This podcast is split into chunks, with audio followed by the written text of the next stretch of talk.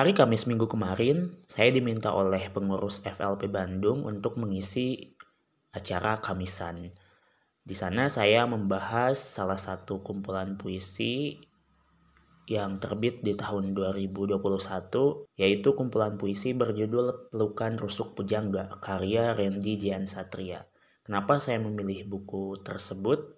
Karena buku itu termasuk buku yang paling baru saya beli dan saya baca dan yang kedua, alasannya yaitu saya cukup kenal dengan penyairnya, yaitu Kang Randy. Pembahasannya mungkin masih amat dangkal karena saya tidak membahas secara mendalam menggunakan teori-teori sastra atau teori puisi secara spesifik karena saya juga masih coba untuk mempelajarinya. Saya lebih membahas dari sisi apa yang saya temukan dari kumpulan puisi tersebut, juga beberapa poin dari kepenyairan penyairnya yaitu Kang Randy. Semoga teman-teman mendapatkan insight dari obrolan tersebut. Selamat mendengarkan.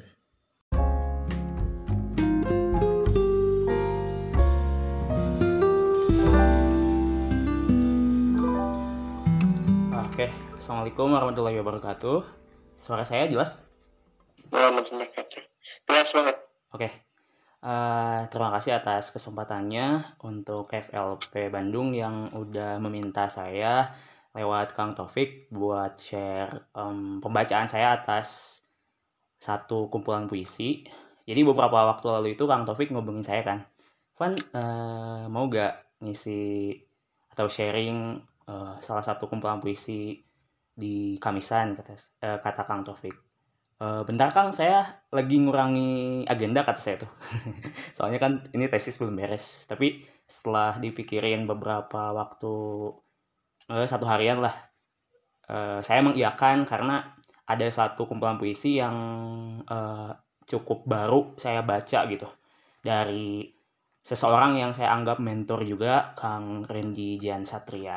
Uh, buku yang akan di sharingkan pada kesempatan malam ini uh, berjudul Pelukan Rusuk Pujangga. Nah, sebelum ke sana mungkin uh, saya mohon maaf dulu ke teman-teman kalau nanti di tengah-tengah uh, diskusinya saya live grup eh live uh, meetingnya soalnya ini kan pakai wifi gitu ya. Nah, di sini tuh tiap malam suka ada uh, mati listrik gitu ya mungkin beberapa detik lah. Tapi untuk uh, ngehubungin eh untuk konekin lagi wifi-nya lumayan satu menitan gitu. Jadi uh, mohon sebelumnya gitu kalau tiba-tiba saya hilang. Uh, kemudian um, mungkin sebelum diskusi juga tadi ada request untuk baca salah satu puisinya Kang Randy ya. Uh, kalau yang udah masuk grup kamisan saya juga udah share beberapa puisinya Kang Randy di sana juga gitu Uh, jadi bisa teman-teman baca. Terus saya juga nulis semacam catatan lah gitu, bukan uh, paper yang ilmiah ala-ala diskusinya um, apa ya diskusi yang serius gitu, kritik sastra dan sebagainya. Ini cuman kesan saya aja dan ditulis uh, lumayan singkat gitu. Jadi uh, mohon maaf sangat uh, sangat singkat banget gitu, sangat dangkal banget. Tapi mudah-mudahan uh, jadi salah satu bahan lah untuk diskusi kita kali ini. Mungkin langsung aja ke pembacaan puisinya, salah satu puisi uh, dari kumpulan puisi Pelukan Rus Pujangga. Uh, saya baca satu judul, mungkin nanti juga di akhir saya baca satu lagi mungkin ya. Uh, ini judulnya Seorang Penyair Menunggu Kekasihnya di Hadapan Perpustakaan STSI, kemudian jadi ISBI Bandung selama 8 tahun oleh Randy Jan Satria. Taman-taman yang dipayungi pohon, juga sebuah kolam tanpa ikan. Hari dan jam semakin melambat. Seseorang yang sudah menjauhi Neruda dari lingkarannya datang. Aku menunggumu dengan kepala yang dipenuhi asap dan rindu dan baik pendek. Pagar tinggi, hitam berkarat, tembok biru yang pupus karena angin dan hasrat, juga tas yang dipenuhi kerinduan yang telah menjadi abu dan debu. Di sisi kanan daun jati berguguran bagai diskusi malam-malam tanpa akhir. Di jendela, sepasang cinta menunggu dan tetap menunggu. Aku tetap menunggumu. Mungkin itu satu puisi yang cukup uh, bikin saya merinding gitu. Seorang aku lirik di puisi tersebut dengan sabar menunggu. Entah ya menunggu kekasihnya atau menunggu cem-cemannya gitu. Menunggu seseorang yang dicintainya untuk kemudian menyatakan cinta. Gak tahu juga. Uh, tapi saya suka dengan puisi kemudian suka dengan penyair juga salah satunya ya itu gara-gara kesabaran yang ditunjukkan oleh para penyair. Mungkin gak semua penyair tapi uh, adalah gitu penyair-penyair yang sangat sabar berproses dalam tanda petik mengerami puisinya gitu sampai kelak kemudian menetas uh, dan dimiliki oleh pembacanya masing-masing dengan tafsirnya yang sangat beragam. Um, lalu mungkin untuk diskusi atau pengantar dari saya sendiri itu gak bakalan fokus untuk kayak membedah satu-satu puisinya secara rinci um, melihat kekurangan dari puisinya sendiri atau bagaimana gitu atau um, membaca pola-pola uh, gaya menulisnya dan lain sebagainya karena saya juga pertama background saya bukan sastra ya background saya pendidikan agama Islam tapi suka puisi gitu dan suka puisi ya sekadar suka puisi aja suka nulis dan suka baca tapi belum terlalu mendalami tentang eh, teori-teori puisi itu sendiri atau teori sastra secara uh, umumnya gitu. Jadi mohon maaf nanti mungkin dari eh, teman-teman juga bisa uh, bisa share lah gitu. Uh, kalau misalnya ada hal-hal yang kurang dalam diskusi dalam diskusi kita kali ini. Nah, mungkin sebelum ke karyanya saya sebagaimana ditulis di catatan yang saya share, itu kenapa milih judul puisi eh, judul kumpulan puisi Pelukan Rusuk Pujangga selain karena emang eh, ini cukup baru saya baca terbitnya itu bulan Maret dan saya ikut pre-order waktu itu jadi terhitung ya bulan itu gitu bacanya bulan Maretan lah tapi belum saya tamatkan sebenarnya jadi baru saya tamatkan itu pas kemarin kemarin Kang Taufik minta saya untuk share tentang kumpulan puisi. Selain itu saya juga cukup dekat dengan penyairnya karena Kang Randy juga yang ngasih pengantar di kumpulan puisi pertama saya Abadi di Telapak Kaki yang waktu itu emang sebelum-sebelumnya belum kenal sama Kang Randy. Saya tuh mulai SKSD itu akhir 2018 kalau nggak salah. Jadi nge-DM aja gitu. E, minta kesediaan Kang Randy untuk ngasih pengantar. Dan ternyata di e, Kang Randy berbaik hati gitu untuk ngasih pengantarnya. E, dan pas saya tanya kenapa Kang? E, mau-maunya gitu ngasih pengantar ke saya yang uh, nulis puisinya juga masih sangat mentah gitu, masih sangat jelek. Ternyata Kang Randy itu memang sedang nulis buku ilmiah, judulnya itu Kronik Perpuisian Jawa Barat yang terekam dan yang tercatat dari tahun 1950 sampai 2020. Jadi Kang Randy melacak penyair-penyair di Jawa Barat dari tahun 1950 sampai 2020. Nah, saya lupa-lupa ingat apakah Kang Randy menyetujui untuk ngasih pengantar itu uh, apakah saya masuk ke kroniknya atau enggak gitu tapi seingat saya sih ada ada omongan kayak gitu tapi gak tahu juga gitu uh, dan ternyata di pengantarnya itu Kang Randy kan uh, itu tuh suka beli koran pikiran rakyat ya tiap minggu kalau waktu itu tiap hari minggu. Kalau sekarang tiap hari Sabtu uh, rubrik rubrik hasan eh rubrik hasanah gak salah rubrik puisi gitu. Dan ternyata Kang Randy udah baca puisi saya lebih dulu gitu sebelum sebelum saya ngasih kumpulan puisinya gitu. Jadi kan 2017 itu beberapa puisi saya dimuat dan Kang Randy ternyata udah baca gitu. Dan itu jadi apa ya jadi wah ternyata nggak nyangka juga gitu Kang Randy baca puisi saya yang mungkin uh, dimuat uh, bukan karena bagus mungkin tapi karena sering ngirim gitu nah itu kemudian selain itu juga beberapa perbincangan gitu di mana Kang Randy sharing tentang proses kepenyairan, proses kreatifnya itu uh, lumayan lumayan banyak gitu bisa diakses baik di podcast atau di YouTube atau di live IG gitu. Jadi saya bisa dapat banyak informasi dari sana untuk kemudian masuk ke puisi-puisinya.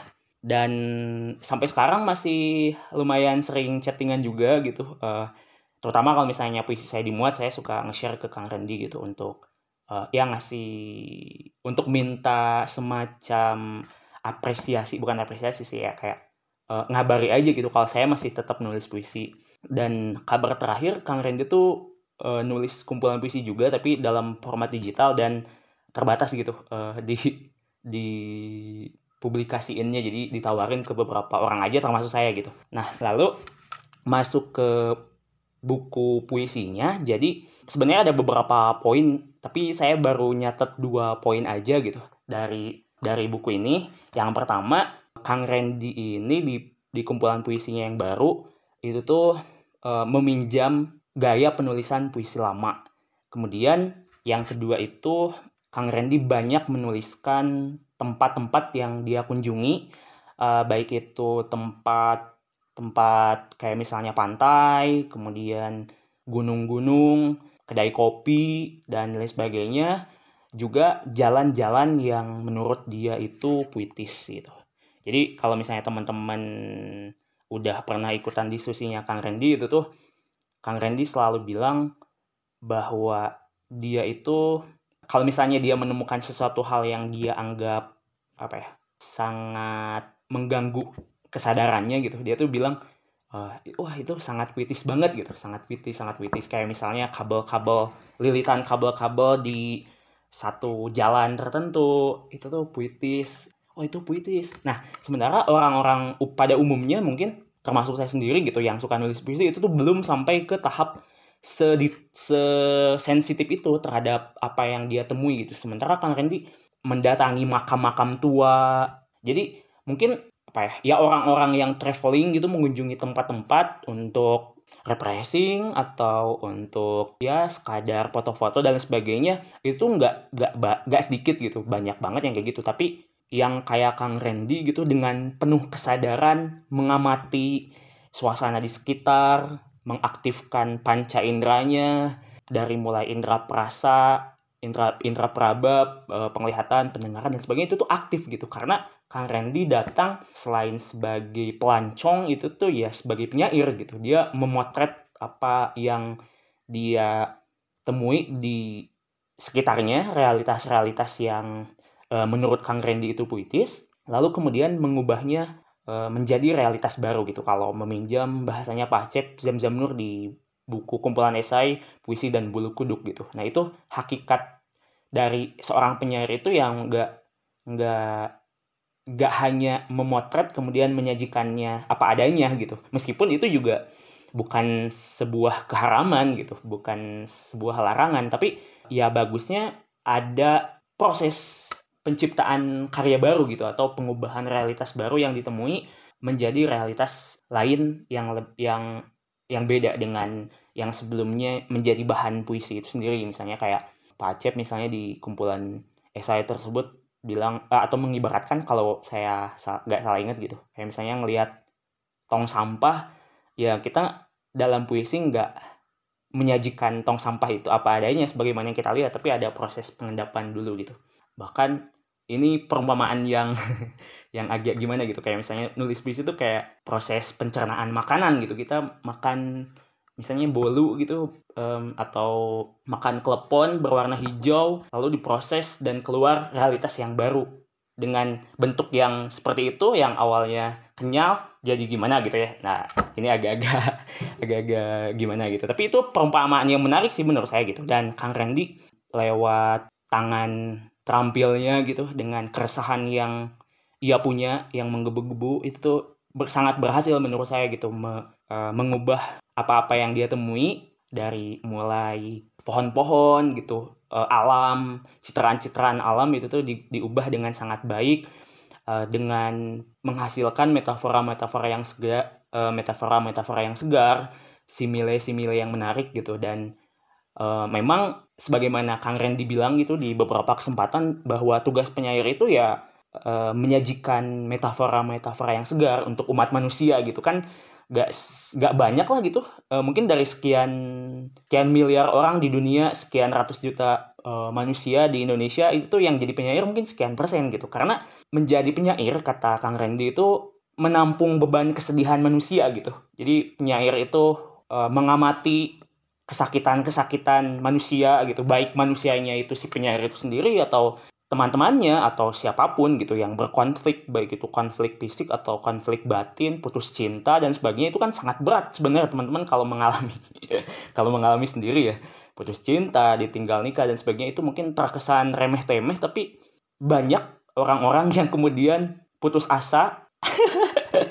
Putus asa dan uh, akhirnya mungkin mengakhiri hidupnya dan sebagainya karena karena perkara putus cinta itu gitu. Tapi di tangan penyair penyair ya itu menanggung beban tersebut untuk kemudian apa ya mewakili lah mewakili kesedihan umat manusia untuk menyajikan metafora-metafora yang segar. Di mana lewat metafora tersebut itu uh, ada yang memang bentuk pu uh, atau puisinya itu memang uh, ditujukan untuk mengandung nilai-nilai tertentu sebagaimana kata Kang Opik di beberapa waktu kamisan sebelumnya itu bilang bahwa sastra itu ada sastra yang ideologis menyampaikan nilai-nilai, menyampaikan makna-makna tertentu atau ya hanya sastra yang representatif gitu hanya me, ya nggak ada nilai-nilai itu gitu. Ya mungkin e, menumpukan e, sastranya kepada keindahan dan sebagainya dan sebagainya gitu. Itu sih yang yang yang saya lihat gitu ada di diri Kang Randy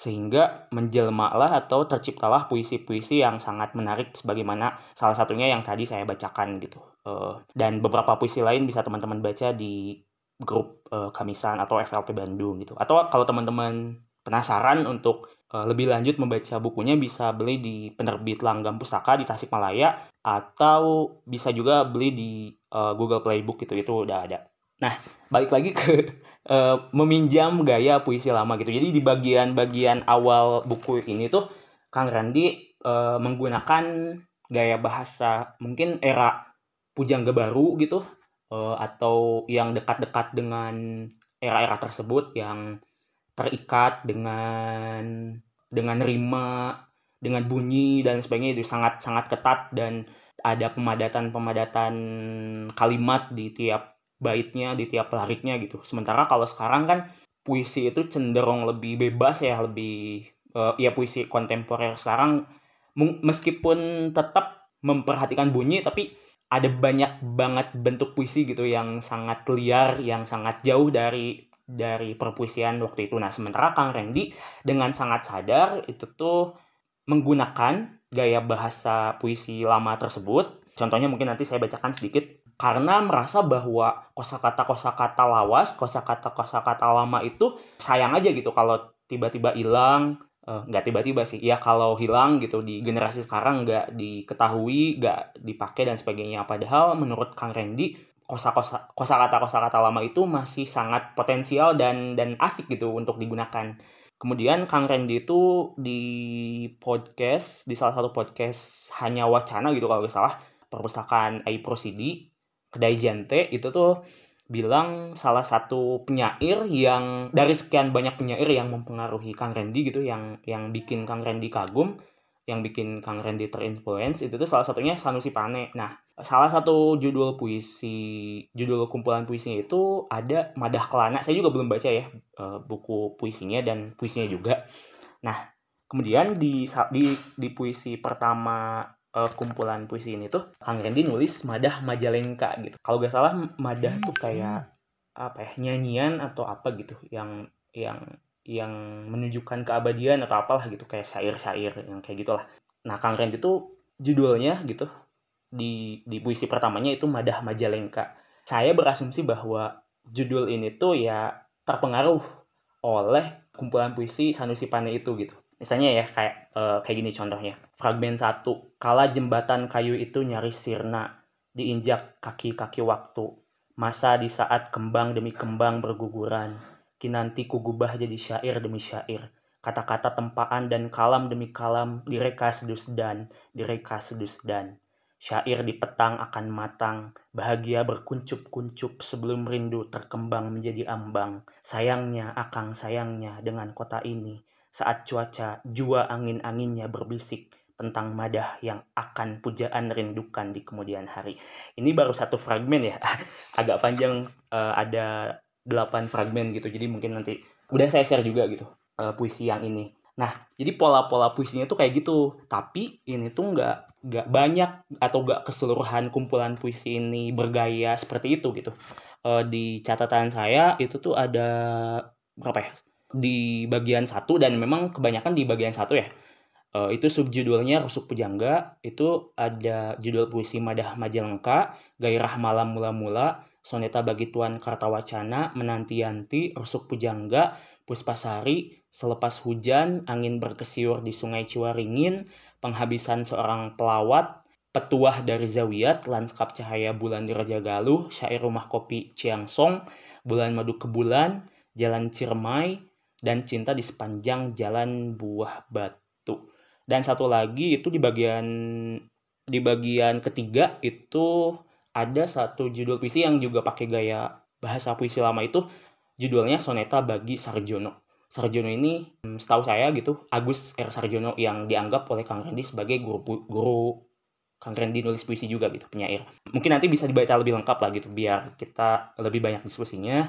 E, paparannya saya percepat dulu satunya lagi yang dominan sebagaimana saya tadi sebutkan di awal itu e, mengenai tempat dan pesona-pesona dan pesona-pesona tempat itu gitu menurut Kang Randy yang akhirnya nama-nama tempat, nama-nama jalan itu menjadi dominan di kumpulan puisi ini. Saya catat itu tuh ada 39 judul kalau gue salah dari total kumpulan dari total puisinya ada 64 judul. Belum lagi yang yang di judulnya bukan nama tempat tapi di dalamnya itu sebenarnya latarnya tempat-tempat juga gitu atau nama jalan atau nama kof, apa kafe kafe shop coffee shop dan sebagainya gitu. Nah untuk tempat-tempat ini menarik. Saya juga sepakat dengan apa yang disampaikan oleh Prof. Jacob Sumarjo di, di pengantar kumpulan puisi ini bahwa Kang Randy ini menulis puisinya bertolak dari tempat-tempat historis yang melahirkan emosi tertentu dari kondisi yang dialaminya saat itu gitu. Jadi ya Kang Randy mungkin berkunjung ke banyak tempat di Jawa Barat, di Indonesia dan sebagainya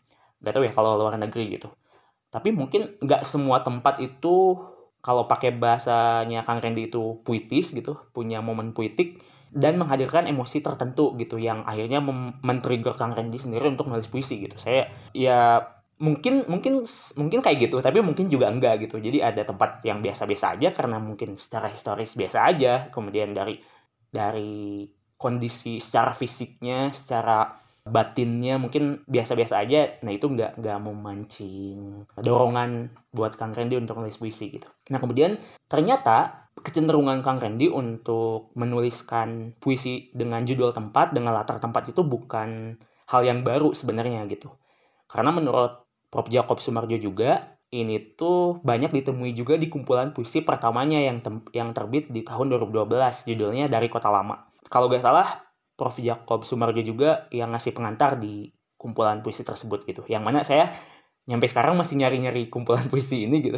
Yang Kang Randy soalnya pengen aja gitu penasaran di usianya. Kang Randy tuh kelahiran 89, uh, nerbitin kumpulan puisi tahun 2012 ya, segi 20-an tahun lah, 20 tahunan akhir gitu. Itu kayak gimana sih gitu puisi-puisinya, apa yang dia resahkan, di puisi puisinya di puisi puisinya tersebut kemudian gaya penulisannya kayak gimana. Soalnya kan pasti ada transformasi bentuk dan dan tema kan gitu dari dari pertama masa-masa kepenyairannya nyampe sekarang gitu. Nah mengetahui bahwa Kang Randy itu banyak mengunjungi tempat-tempat itu bikin saya insecure gitu. Soalnya saya kan jarang main lah gitu. Sebagai seorang yang menekuni puisi juga tapi saya tuh lebih banyak berinteraksi dengan bantal dan kasur gitu. Di kamar jarang jarang traveling lah jarang main-main gitu. Dan pokoknya ngerasa insecure sekaligus iri tapi iri di sini tuh yang nggak nggak bukan iri yang negatif gitu.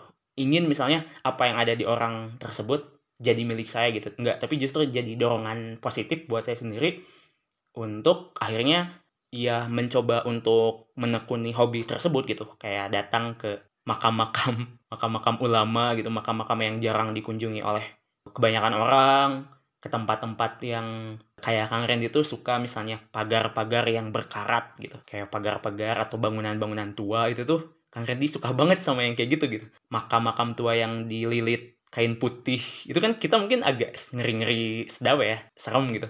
Tapi bahkan Kang Randy tuh di di bagian tiga itu uh, nulis judul puisi Sang Ratu Lelembut Tanah Jawa pada Nyai Roro Kidul. Nah, Kang Randy tuh nulis ini, dia tuh emang nginep di hotel yang ada di Sukabumi di pelabuhan Rat di pelabuhan Ratu itu gitu. Di hotel apa ya? Saya lupa lagi gitu. Dia nginep di sana, tapi mungkin bukan bukan bukan melakukan ritual mistis gitu karena Kang Randy juga kan santri gitu. Dan sekarang kalau gak salah masih santri masih nyantri juga di Sukabumi, nyantri lagi gitu. Dia dulu besar di uh, menghabiskan MTS dan masa aliyahnya itu di pesantren Nagreg 2 gitu. Di sana gitu pesantren Quran. Nah kemudian nyantren juga di Sukabumi eh di Sumedang kalau ah di Sumedang. Nah Kang Randy tuh nulis ini gitu apa nulis puisi yang ditujukan buat Nyi Roro Kidul. Yang mana mungkin gak banyak orang ya yang berani untuk nginep di sana di malam Jumat gitu. Dan saya juga waktu itu sempat lihat gitu story IG-nya atau WhatsApp-nya. Eh atau WhatsApp-nya itu tuh emang lagi di sana gitu kan Randy. Jadi gak bohong gak gak riset by library research gitu. Tapi emang kualitatif datang ke sana gitu merasakan gimana sih bulu kuduk berdiri gitu di kamar yang remang-remang gitu. Kalau kalau saya iseng-iseng waktu itu sempet iseng-iseng nonton gitu kondisi kamar Rocky Dul itu itu tuh serba hijau dan sebagainya banyak yang ngedoa gitu ya mungkin minta dan ya minta minta sesuatu gitu ke Nyi Rocky Dulnya tapi kan itu yang kita tahu itu nggak boleh gitu. Tapi Kang Randy ya ke sana untuk nulis puisi gitu untuk untuk merasakan gimana sih oh, sensasinya di kamar tersebut. Ini di bait terakhirnya tuh eh di dua bait terakhir misalnya saya bacain Lukisan Basuki Abdullah dan ranjang dengan tudung tirai tipis-tipis, tempat puisi ini menerima nasibnya sebagai kidung di antara kabut-kabut sang ratu lembut tanah Jawa. Dan seekor kuda putih, teman-teman bayangin. Dan seekor kuda putih berlari mengambil sebagian kata-kata ini. Jadi Kang Randy nulis puisi terus diambil sama kuda putih. Lidah langit hitam menjulur. Ini metafor. Saya juga gak tahu ini apa gitu maksudnya. Lidah langit hitam menjulur membawamu membawa Nyi Kidul gitu bayangin. Kalau di ilustrasi di YouTube mah kayak ombak gitu kan di di atasnya tuh ada kayak kereta kuda gitu, kereta kencana terus bawa sosok kayak gitu. Berbaju hijau, cantik, rambutnya terurai. Kembali ke ambang. Namun puisi ini tidak pernah bisa kau ambil semuanya. Sisakan beberapa larik sebagai tanda ia pernah mampir menjadi tamu. Jadi Kang Reddy nulis puisi di kamar itu kemudian mungkin sosok sosok gaib di sana tuh nggak mau bahwa apa yang dituliskan itu tersebar gitu ke banyak orang uh, dan mengambilnya ingin mengambilnya gitu. Uh, atau apa yang ditulis itu pokoknya jangan dipublikasi gitu. Tapi Kang Reddy bilang di sini sisakan beberapa larik gitu. Sebagai tanda bahwa bahwa engkau bahwa anda pernah mampir atau pernah pernah bertamu gitu. Pernah datang dan Kang Randy pernah melihatnya gitu. Meskipun walau alam ya apakah beneran ngelihat atau itu hanya uh, hanya imajinasi aja gitu. Uh, rekaan-rekaan dan sebagainya. Tapi menurut saya ini bukan persis harus sama kayak gini ya. Uh, maksudnya kita datang ke ke makam-makam uh, keramat gitu, ke makam-makam tertentu yang bikin kita merinding, tapi lebih ke semangatnya sih menurut saya gitu. Jadi kalau kita ingin menulis puisi, kalau kita ingin menulis karya sastra atau karya ilmiah dan sebagainya, ya kita harus total gitu. Total uh, risetnya total, kemudian menulisnya juga total, mengendapkan tulis uh, si puisinya juga total gitu, menahan diri untuk enggak segera dibaca orang gitu. Di mana uh, hal tersebut itu menjadi keresahan Kang Randy gitu. Jadi Kang Randy kan dia tuh mengamati kondisi puisi sekarang yang mana lalu lintas puisinya katanya di media sosial tuh sangat padat banget, banyak banget kata-kata yang biasa aja itu dianggap sebagai puisi gitu yang yang yang mungkin ya miskin metafor, uh, miskin gaya bahasa, terlalu dangkal dan sebagainya gitu, memenuhi lini media sosial dan Kang Randy dengan tadi semangat dengan tadi meminjam gaya puisi lama itu sebenarnya untuk bikin satu alternatif, satu opsi puisi yang yang uh, yang itu tuh bisa dinikmati juga sama generasi muda sekarang khususnya gitu dan mungkin secara dari banyak kalangan umur pada umumnya gitu. Apalagi ya? Mungkin oh ya salah satu puisi dengan latar tempat yang juga saya sukai gitu judulnya Jalan Ciremai Bandung nah puisi ini tuh pernah puisi ini tuh dijadiin apa ya dijadiin souvenir gitu di souvenir pernikahannya Kang Randy di tanggal 1 Maret 2020 gitu. Waktu itu saya juga datang ke sana, diundang sama Kang Randy-nya. Nah, puisinya tuh kayak gini. Jalan Ciremai Bandung, larik-larik ini tersusun atas kehendak jari-jariku. Sepasang jendela tua, pohon-pohon dengan latar maska, eh, markas militer, tank-tank, jalan lenggang yang ditaburi daun-daun luruh. Kau dan aku saling berucap tipis-tipis menanam pengetahuan, kata dan izin, paduka kesunyian. Di jalan ini kupersilakan segala perasaanku menjadi tentara untuk menjagamu di sekian waktu yang tersisa. Sebelum sampai di kelokan Gatot Subroto, lalu ke arah kata-kata kabut yang rendah hati ini mengendap dalam kedua matamu. Nah, saya tuh yang melihat bahwa puisi ini tuh memang ditunjukkan atau ditulis ketika Kang Randy lagi kasmaran gitu, lagi jatuh cinta dan bentar lagi mau nikah, bentar lagi mau ijabah kabul gitu. Ada makanya kelihatan banget ya dari si puisinya. Nah ini tuh salah satu salah satu puisi yang yang yang kata saya di awal tadi menggunakan judulnya tempat udah jelas ya Jalan Ciremai Bandung. Di mana saya tuh belum ke sana gitu. Jadi selama saya tuh kuliah di UPI dari 2012 sampai sekarang tuh saya tuh sangat tidak update banget sama Bandung gitu saya tuh cuman main ya di UPI aja Lembang mungkin Cisarua ITB, Salman dan sebagainya gitu. Dan saya me melewatkan banyak banget tempat-tempat yang kata Kang Randy puitis itu gitu. Di mana Kang Randy sangat Bandung banget lah gitu penyair yang bang yang Bandung banget.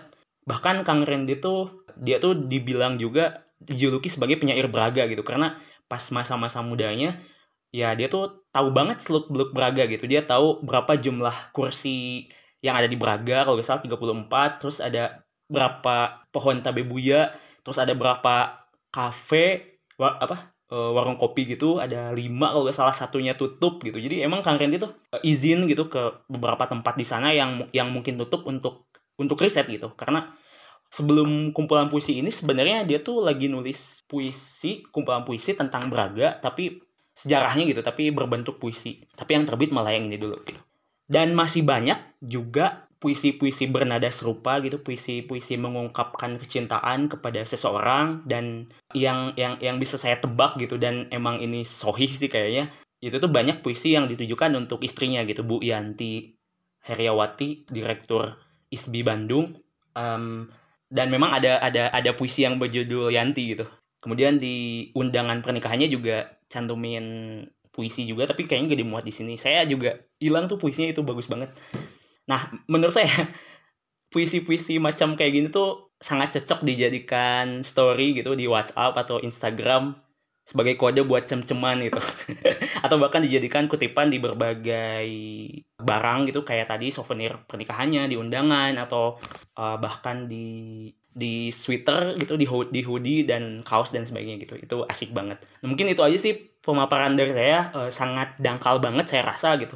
Di mana ekspektasi saya sendiri sebenarnya kalau misalnya mau ngulas kumpulan puisi bahkan cuman beberapa kumpulan puisi doang itu tuh ya membahas struktur puisinya apakah misalnya ada cacat logika dan sebagainya. Tapi saya belum ke sana gitu. Mungkin beberapa tahun kemudian uh, bisa ke sana gitu. Kalau misalnya lihat-lihat skripsi atau tesis anak sastra misalnya itu saya sangat kabita banget gitu. Bahas cara semiotik uh, semantik dan sebagainya. Bahas uh, detail-detail penggunaan gaya bahasa dan sebagainya. Tapi mungkin itu eh ini sekarang saya masih ya persiapannya juga sangat mepet banget. Tapi mudah-mudahan teman-teman punya dapat gambaran dari apa yang saya sampaikan dan mengundang pertanyaan-pertanyaan yang bisa diajukan di sini dan mungkin saya bukan sebagai sumber satu-satunya untuk ngejawab itu tapi dari teman-teman yang hadir di diskusi kita kali ini juga bisa share gitu. Kalau misalnya ada yang pernah baca puisi Kang Randy. Mungkin itu aja uh, Teh Suci. Mohon maaf apabila banyak kekurangan. Kita lanjut di diskusi ya. Assalamualaikum warahmatullahi wabarakatuh.